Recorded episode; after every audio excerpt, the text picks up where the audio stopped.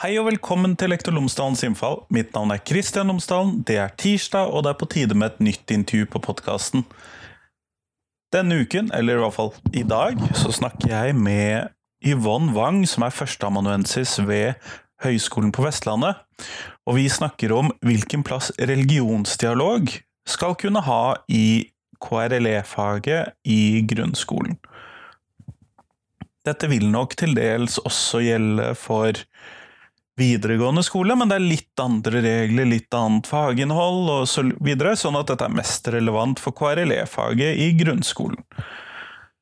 Men Og dette handler jo rett og slett om i hvilken grad skal elevene bedrive religionsdialog? Skal de det? Er det noen andre former for religionsdialog som passer bedre inn, eller er det dette som passer best inn? Dette er de tingene som jeg snakker med Yvonne Wang om.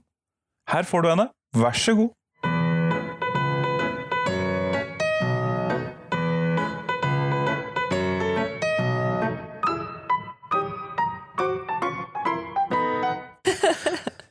Yvonne Wang, tusen takk for at du har tatt deg tid til meg i dag. Jo, takk for at jeg fikk komme. Før vi starter selve intervjuet, så hadde jeg håpet at du kunne fortelle lytterne mine tre ting om deg selv, sånn at de kan bli litt bedre kjent Ja, med deg. kort om meg selv. Jeg kommer fra Sandefjord, men bor i Bergen. Eh, Jeg eh, har tatt doktorgrad i religionsvitenskap, og jeg har jobba i lærerutdanningen med KRLE-faget siden 2007. Kjempeflott. Og det er religionsfaget i skolen vi skal snakke om, eller hvis vi skal snakke om religionsdialog Mhm. Og religionsfag. Og da lurer jeg først på, hva er religionsdialog? Kunne du fortelle Ja. oss det? Religionsdialog det er egentlig et veldig kompleks begrep, for det er så utrolig mye som rommer det begrepet religionsdialog. Det kan være alt fra Vi kan snakke om nasjonalt, eh, internasjonalt, lokalt. Vi kan snakke om eh, ulike typer dialog, sånn som eh, dialog om, som teologer har, om trosinnholdet. Dialog om religiøs praksis. Deligio, eh, dialog om eh, livsfortellinger knytta til religion. Eller dialog i forhold til det samfunnet vi bor i, og det å være for en tilhøre en religiøs retning. Så det, det kan være veldig mye. Nettopp, nettopp. Og da, eh, sånn som jeg hørte deg, da, så kan det være både innad i en religion mellom flere retninger, og utad opp mot andre religiøse eller ikke-religiøse grupper. Forstår jeg deg riktig da? Ja, vi kan snakke om både ekstern og intern dialog eh, innenfor religionsdialog. Hvor den interne er mellom ulike trossamfunn innenfor samme religiøs tradisjon, og den mer eksterne blir da ulike, altså muslimer, kristen, hindu, human-etisk forbund osv. Nettopp, nettopp. Så det er ganske mye som vi putter inn i denne rammen, da. Altfor mye av og til. Det blir litt sånn uklart hva er det vi snakker om. Men én definisjon som kanskje er litt viktig for å, for å skille religionsdialog fra andre, andre dialoger, det er jo at, at du stiller deg åpen i forhold til tro. Uh, og at du er eh, åpen for også å endre deg i møte med andres, altså forståelse av andres tro. Så det er en, en deltakelse, noe du er villig til å gå inn i, hvor du er åpen, og hvor du kanskje kan endre deg. Som noe mer enn en samtale mellom to religiøse av ulik religiøs type, da. Ja, altså du lytter, og, og du forteller litt om deg selv når det gjelder det her med tro og livssyn. Det tror jeg gjorde det litt klarere. Mm. Eh, Men når vi da har dette som fenomen eh, i en eller annen form Mm. Sikkert antagelig sko skolefaglig sett, sikkert ment som en sånn tanke mellom ulike religioner, vil jeg Mm. tro. Mm. Um, hvordan hører dette hjemme i et religionsfag? For sånn som jeg oppfatter det, så er den nye læreplanen i hvert fall litt mer innstilt på religionsdialog, sånn som jeg har oppfattet den. Så hvordan passer dette inn? Ja, Nei, altså det, det jeg tenker da, det er at jeg syns det er viktig at elever lærer om religionsdialog. Altså et utenfra-perspektiv på det. Og så syns jeg det er viktig at de lytter til religionsdialog, for da får de et innenfra-perspektiv. Hva er egentlig religionsdialog? Men det jeg ikke syns, det er at vi skal tilrettelegge eller organisere en, en religions- og livssynsdialog i klasserommet. Det betyr ikke at jeg er imot åpenhet, at en skal kunne komme med åpne innspill om seg sjøl, det må være lov i alle fag, men å ikke organisere og liksom sette karakter og presse de til å fortelle om hva de tror på, om Gud om ja, livet og meningen med det, at det skal ikke være press. Så man skal ikke sette den muslimske eleven og den kristne eleven og den ateistiske eleven til å sitte sånn i klasseromssituasjonen?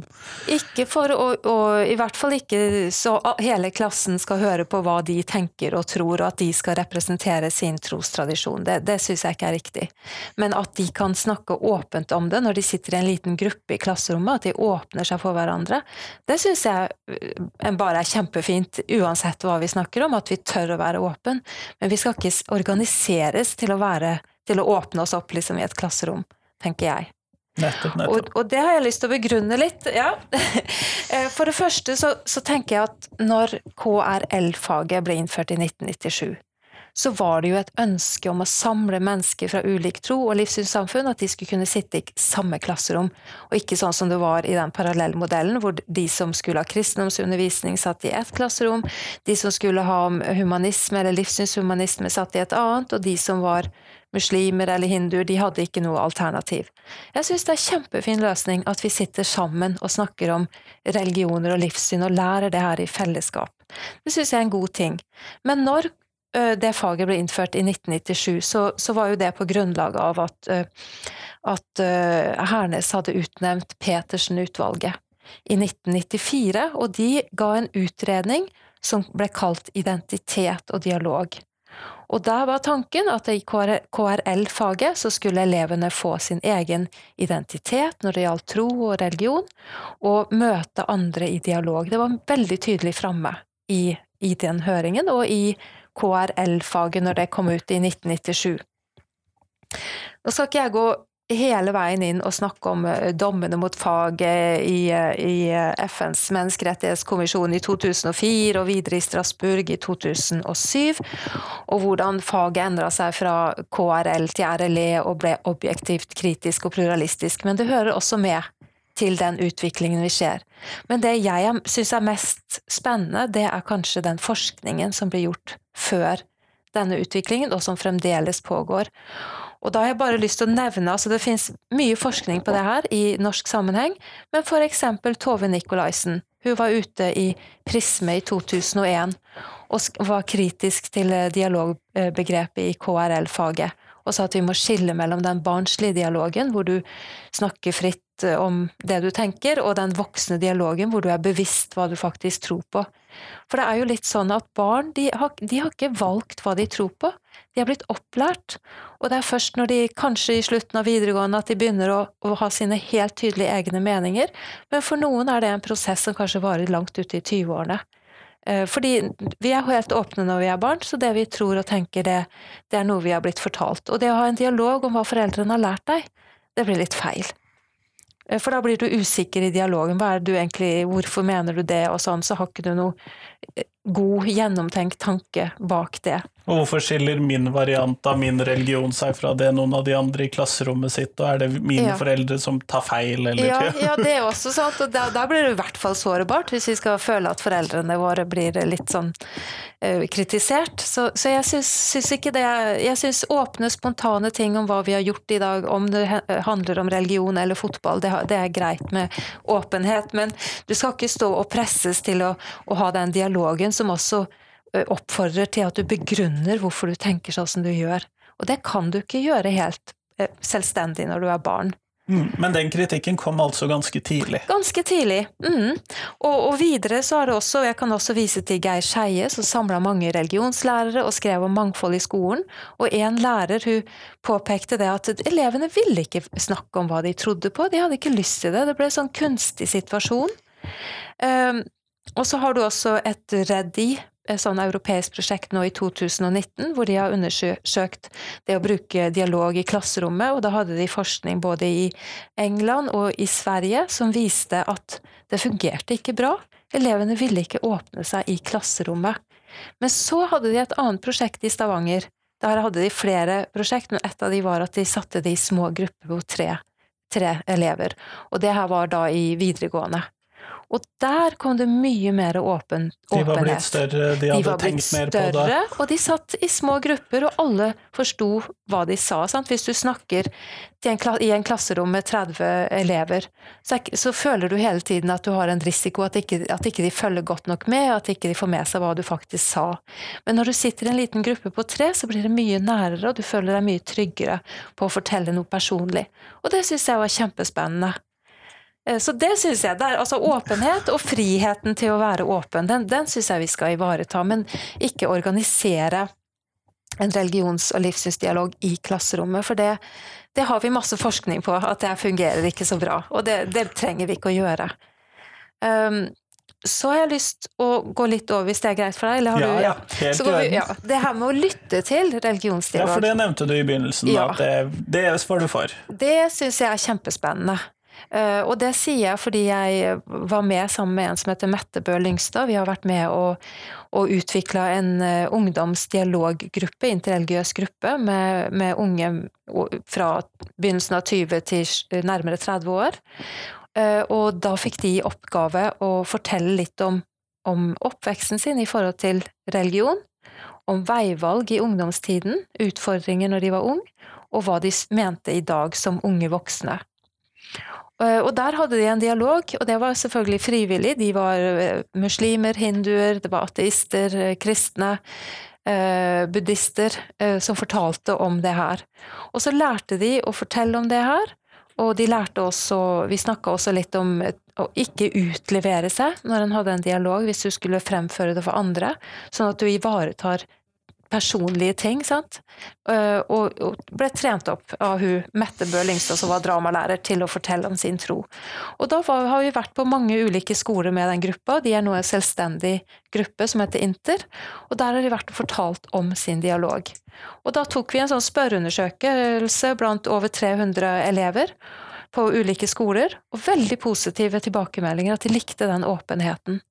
Men da kunne de sitte i fred og lytte til en religionsdialog og lære av den.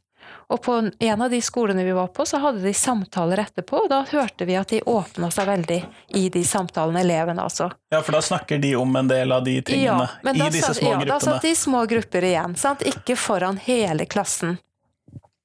Eh, Så, så det syns jeg at da kan du lære noe, for det er klart at en, en dialog er jo kjempespennende. For de som vil delta, så er det utrolig lærerikt, og det å fortelle hva du mener om ulike ting til andre og høre hva de tenker, det er jo en kjempespennende lærings, læringsarena, og du lærer å forstå deg sjøl bedre, ditt eget ståsted osv. Så, videre. så eh, dialog og religionsdialog er noe som er positivt hvis du, er, hvis du frivillig har lyst å være med på det. Eh, Og absolutt noe tenker jeg som kan være spennende å lære om. Da får du også et innenfra-perspektiv, et faglig innenfra-perspektiv i at du sitter og lytter. Og så velger du selv om det blir en del av ditt liv å, å åpne deg når det gjelder tro, tros- og livssynssamfunn, eller ikke. Og så kan læreren da putte det da inn i en større kontekst og snakke kanskje om forskjeller fra det som ble fortalt i det de har Ja. lært om. Ja. Hva lærer vi i lærebøkene, hva, hva hørte vi her når vi møtte disse menneskene og det, om deres tro, om det å være muslim, hinduist osv. Da, blir det, da kan en lære noe, en kan ha en dialog om det også, uten at en behøver å utlevere seg sjøl. Men en kan komme med innspill og si at jeg også er muslim, og sånn som han sa, er ikke jeg enig i, eller sånn. Eller Vi gjør det på en annen måte. Ja, sant? Men da, da er det en åpenhet, noe som du har gjort frivillig. Det er ikke noe som har blitt organisert, og som du føler deg pressa til. Og Det er derfor jeg er litt imot den her, at en skal organisere det. Nettopp, og jeg tror jeg ser forskjellen der. Ja. Eh, en ganske tydelig forskjell. Mm. Så mistenker jeg jo at de som føler seg klare til å snakke om det, eller har hørt, lyttet nok, tenkt nok, eh, Mm. oftere da kanskje kommer med noe enn når man blir litt tvunget til det i et klasseromsituasjon. Ja, ja, det er klart også at det er noen som ikke sier noe, fordi eh, altså det, ja, at det blir et mindretall, mener du, som, Som som, ja, som tør å si noe, eller Ja. Mm. som trekker det inn. ja. Men du snakket også om at man skulle lære om religionsdialog. Ja, og da, da syns jeg det er øh, litt spennende når det gjelder Jeg må bare kikke på læreplanen så jeg sier det riktig her. Altså det er jo et En av de tingene er at vi skal forstå øh, religioner som øh, Skal vi se Vi skal forstå hvordan religioner og livssyn inngår i historiske prosesser og henger sammen med samfunnsendring og kulturarv. Det er et av de første kjerneelementene. Og da tenker jeg at her er det jo kjempespennende å forstå hvordan religionsdialogen har inngått i en historisk prosess, og også henger sammen med samfunnsendring og kulturarv. Hvis vi tenker noen Vi har jo en historiebok.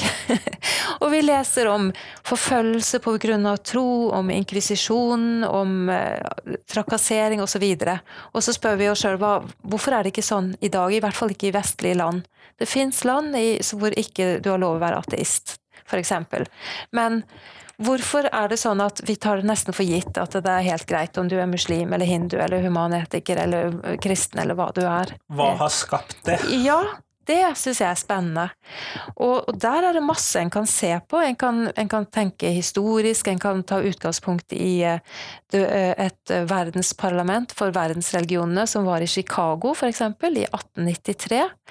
Uh, og der er det flere som har skrevet om det, bl.a. Gillus og Michaelsen, som har skrevet om nyreligiøsitet, eller om kulturens refortrylling. Og her snakker de om at det er et vendepunkt, ikke bare for religionsdialogen, men også for de som er interessert i det nyreligiøse. Mange fra Vesten som var der, som var interessert i de asiatiske religionene. Eh, det var også veldig mange som etter den samlingen begynte å ville studere religionsvitenskap. Og det skjedde altså i 1893, så begynte det en sånn prosess hvor de samla folk fra ulike religioner til å snakke sammen. Og selvfølgelig var det mange som var imot når det her starta, men det er sant Det er, det er antagelig mange som er imot nå. Ja, det er det. Men det er én, utgangspunkt en kan forstå den her interessen som kommer med interesse for hinduistiske religioner, asiatiske religioner, interesse for dialog osv. Den, den starter i en periode. Og det er også det vi kaller for en at vi kommer inn i den moderne tidsalder. Vi begynner å få økt forståelse for hverandre. Det er også en annen, en annen innfallsvinkel som en uh, forsker har gjort. Han snakker nemlig om et paradigmeskifte på begynnelsen av 1900-tallet eh, som Altså, det tar veldig lang tid å endre et samfunn, men her vokser den hermenautiske tradisjonen fram. Eh, hvor flere og flere tenkere snakker om at for å forstå en tekst, så må du også forstå den kulturen den ble skrevet i, du må forstå personene rundt den, annen litteratur som ble skrevet i den samtiden. Og da begynner det med det å forståelse av hvordan skal vi forstå tekster, til hvordan skal vi forstå mennesker. At mennesker også har en kulturell bakgrunn, har også erfaringer. Og den vitenskapen, altså en, en vitenskap om hvordan vi skal forstå, som egentlig den hermenautiske tradisjonen er, den vokser fram med flere og flere sentrale tenkere. Blant annet også eh, for eksempel eh, Gadamer, som er opptatt av hvordan møtet mellom mennesker så smelter horisontene sammen, og vi får en ny forståelse ved å møte andre. Han er også veldig opptatt av det her med dialog. Det du, sånn ja, og du har Martin Buber, som kommer på 1920-tallet og skriver fram til 60-tallet om dialog, og han stiller spørsmålet 'hva er et menneske?' Og han mener at det er nettopp gjennom dialog at vi utvikler oss som mennesker i møte med andre. Når den andre ikke bare er et det, altså en student, kan du si, eller en ansatt ved høyskolen. Sant? En fjern, abstrakt ja, abstrakt noe. men er et du, sant? et menneske akkurat som vi sjøl er. Eh, at du virkelig utvikler deg. Eh, og her er det veldig mye spennende vi kan lære om religionsdialogen bare som en historisk prosess, eh, og som noe som skjer i dag. Og i dag så er det jo enormt masse som skjer som har med religionsdialog å gjøre. Eh, både i FN så er det delegater som blir invitert for å, å, å fortelle og ha dialog i ulike konfliktområder. Eh, vi har uh, nasjonale dialoger, sånn som Samarbeidsråd for tros- og livssynssamfunn her i Norge. Vi har lokale dialoggrupper i de fleste storbyene. Så, og det gjelder ikke bare i Norge, det gjelder i hele Europa. Og det gjelder også en del land i Midtøsten, at de har eh, jobba mye med dialog som et fredstiltak. sånn at her er det mye. Så det, det er rett og slett mye for elevene eh, hva skal vi kalle fordeler av å ha lært om dette, da, som tema. Mm -hmm. Vil jeg jo tenke meg når de skal ut i samfunnet og møte mennesker med ulik bakgrunn osv., at de i hvert fall har en idé om konseptet. Ja, en idé om konseptet og en idé om at uh, sånn er det i vår tid. Vi har så mye kunnskap også om hverandre at vi trenger å Vi må kunne leve med forskjeller. Og da trenger vi å ha den, at vi har den dialogen. Vi har noen som forstår hvorfor Hvorfor skal ikke vi ha fordommer mot den ene og den andre gruppen? Jo, fordi vi vet så mye. Vi har så mye kunnskap, vi har så mye dialog og samtale at vi vet at, at det er stort mangfold f.eks. innenfor alle de religiøse tradisjonene. Mm. Det i seg selv kan jo være vanskelig nok å putte inn i religionsfaget. ja, det er det, men mangfoldskompetanse er jo litt den der, altså, at vi skal forstå at det er eh, mange, mye forskjeller. Eh, individuelle forskjeller, ulike grupperinger osv. Nettopp. Mm. Eh, det høres ut som vi får nok å fylle dette faget med, da. Ja, det er klart det er vanskelig, det, akkurat den biten er en utfordring, men det er liksom noe med det her med å, å, lære litt om forskjellige ting, og så er det jo også det her at det er rom for fordypning i faget. Sant? At vi kan tenke at vi lærer litt om alt, og så kan kanskje elever få mulighet til å fordype seg i ting som de syns er spesielt interessant. For det er klart, vi, vi, kan ikke, vi, kan ikke, være eksperter på absolutt alt, og det er grenser for hvor mye vi kan lære om, men akkurat det med, med dialog og religionsdialog tror jeg er noe, noe kanskje noen lurer på. Hvorfor var det så mye intoleranse før? Hvorfor er det ikke så gitt nå. At vi eh, har de der grensene og skillelinjer som vi har hatt historisk sett gjennom Ja. Mm.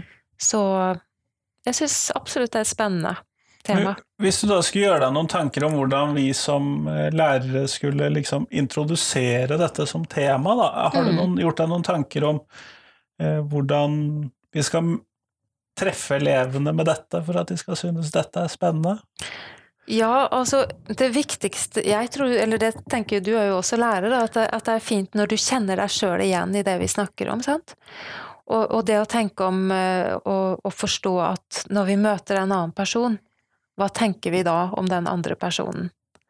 Og da kan vi fort kanskje oppdage at vi har kanskje noen fordommer. Sant? Det kan være klærne, det kan være Eh, eh, språket, at vi tenker at han er sånn og sånn, eller han har fotballklær på, tenker at han er sånn fotballfanatiker Altså, du vet ikke, sant? Men altså, det, er, det, er, så mange ting, kjennetegn med oss mennesker. Men vi lager oss veldig fort et bilde når vi ser en annen. Og blir litt bevisst på det, at noe av det kanskje også kan være litt fordommer. Eh, det kan også være å se på aviser, eksempel, hvis det har skjedd noe. Hvilket bilde er de bruker, hvilke følelser får vi når vi ser det bildet. Det har jo vært veldig mye skrevet igjen de siste 10-20 årene om terroranslag, hvor det har vært tydeliggjort at her er det en muslim som har gjort det. Hvilke bilder gir det også av islam når vi får sånne medieoppslag, f.eks.? Og så kan jeg snakke litt om det, og komme inn på det hvor viktig det er med dialog, for en dialog vil jo veldig fort avdekke at det, er ikke, at det er nesten ingen som er eh, terrorister fordi om de er muslimer, eller eh, fanatikere fordi de er kristne, eller sant? At det er et stort mangfold, eh, og at de fleste mennesker egentlig er grei. Mm. Mm. Og jeg tror jo, og dette er jo en, kanskje sier noe med min omgangskrets, men jeg opplevde jo egentlig at hm, de aller, aller fleste er jo ateister i en eller annen variant mm. i veldig mange år. Så har jeg i det siste, etter at jeg ble aktiv i Human-Etisk Forbund, oppdaget at det er fryktelig mange kristne rundt omkring blant de jeg omgås med til daglig, selv om mm. jeg ikke nødvendigvis har oppdaget det tidligere. Ja. Så en del sånne oppdagelser ville man jo kanskje da kunne gjøre hvis man snakket hvis det, man lærte mer om religionsdialog. Ja, absolutt lærer om religionsdialog, også, og at det var litt mer at ikke det er farlig å si at du er religiøs, for det er vel mange kristne, og en del undersøkelser som viser at en del kristne har på grunn av sikkert mye debatt og diskusjoner som har vært i, i det norske samfunnet, sant? som har vært litt sånn ja, altså kanskje har gjort at en del føler at de vil helst ikke si hvis de er kristen. Og det er også viktig å åpne det opp, at det går an å si. Det går an å være, være seg sjøl, i hvert fall. Mm. Det må jo være målet når, når en blir voksen. Så lenge en slipper å måtte stå til ansvar for hva en er blitt opplært til å tro. Eh, før det er ens egen tro det snakkes om, tenker jeg. Mm. Og det krever jo modenhet. Og kanskje også slippe å måtte stå til ansvar for hva alle de andre har gjort, enten det er eh, noen muslimer som har begått terror Ja. et sted, eller kristne som mener Mm. noe som resten av samfunnet ikke mener. Eller, ja. Ja, absolutt. Og da, og da må vi forstå at det er kjempestort mangfold. At ikke vi stigmatiserer folk eh, i forhold til religion fordi noen som tilhører den religionen, sier sånn og slik. Det Jeg brukte viktig. det begrepet mangfoldskompetanse i stad, mener jeg at du Ja. var borti. Ja, ja, ja. ja. Det, det er et kjempespennende begrep, og det er viktig. Det er kanskje, kanskje det er noe av det viktigste med KRLE-faget. Å gi elevene mangfoldskompetanse. Altså at de forstår, vet at vi er forskjellige. Samtidig som, igjen, så syns som jeg sier er litt viktig, de fleste er helt greie mennesker. Det må vi ikke glemme når vi leser om alle mulige og nyhetsbilder vi får, hvor vi hele tiden hører om katastrofer og ulykker og, og terror og mye negativt. Men det vi ikke hører om, er jo alle de menneskene som lever sitt vanlige liv, og som hjelper naboen hvis de ser han trenger det. Sant? Som er De fleste er faktisk Ja, det gir veldig greie. dårlige nyheter. Ja, det blir litt kjipt, sant? Ja, naboen hjalp meg når jeg hadde noen tunge varer. Det er kanskje ikke det vi leser om på, eller ser om på nyhetene, nei. Nei, det er ikke det. Men det er kanskje det vi opplever mer av. Den type småting. Ja, i hverdagen, I hverdagen, ja. Mm. Kjempeflott. Vi går mot slutten av podkasten, og da Mm. skal jeg stille deg det samme spørsmålet som jeg stiller alle jeg intervjuer. Og det er hva er de tre viktigste tingene skolen kan lære elevene? Ja, altså jeg syns Jeg kan godt si at en ting jeg syns er veldig spennende, det er livsmestring. Å lære elevene å ha tro på seg sjøl, og tørre å være seg sjøl, og, og trives med seg sjøl og med andre, og lære de å mestre alle de utfordringene. Tenker jeg er et spennende tverrfaglig eh, tema som jeg håper, håper vi, vi kan lære mer om, og hvordan det blir brukt inn i skolen. Eh, Så tenker jeg mangfoldskompetanse, som vi har snakket om. Det er kjempeviktig. Det har vi jo snakka mye om, så jeg trenger ikke å gå i dybden av det. vi tror folk skjønner hva du mener med Ja, det nå, i hvert fall. Ja, jeg tror jeg har snakka nok om det nå. Ja. Ja. ja. Og så er det generelt altså at de, at de utvikler seg som mennesker på en god måte. Det, ja, det kan jeg vel egentlig si er det. At skolen blir et sted hvor de kan utvikle seg som personer. Og da håper jeg at vi får en dag hvor vi klarer å legge litt eh, Få litt vekk det her presset på karakterer, og mer spenningen og lysten og nysgjerrigheten til å lære, at den kan komme fram. Men det, det er vanskelig. Det er vanskelig i, i den tiden vi lever i nå, hvor det stilles store krav, og hvor det er mange valg vi må ta. Vi skal inn på den skolen, og vi skal inn på den høyskolen, osv. Så, videre. så det er en utfordring for oss alle. Mm. Når inntaksmodellene er som de er oppover, Ja. så blir det jo sånn. Ja, det gjør det. Mm. Kjempeflott. Tusen takk for at du tok deg tid til meg i dag. Jo, kjempekoselig. Takk skal du ha.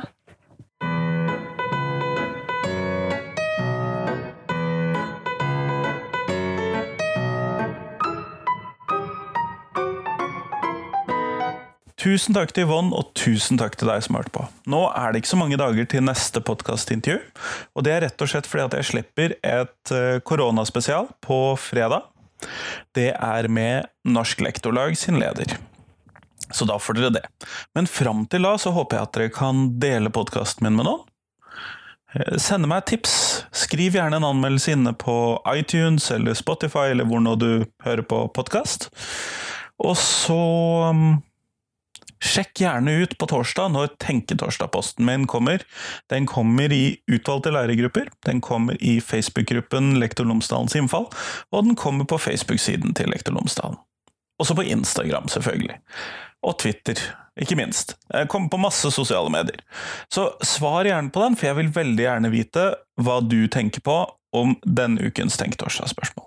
Men i hvert fall, fram til da så får du ha en eh, fin uke. Hei, hei!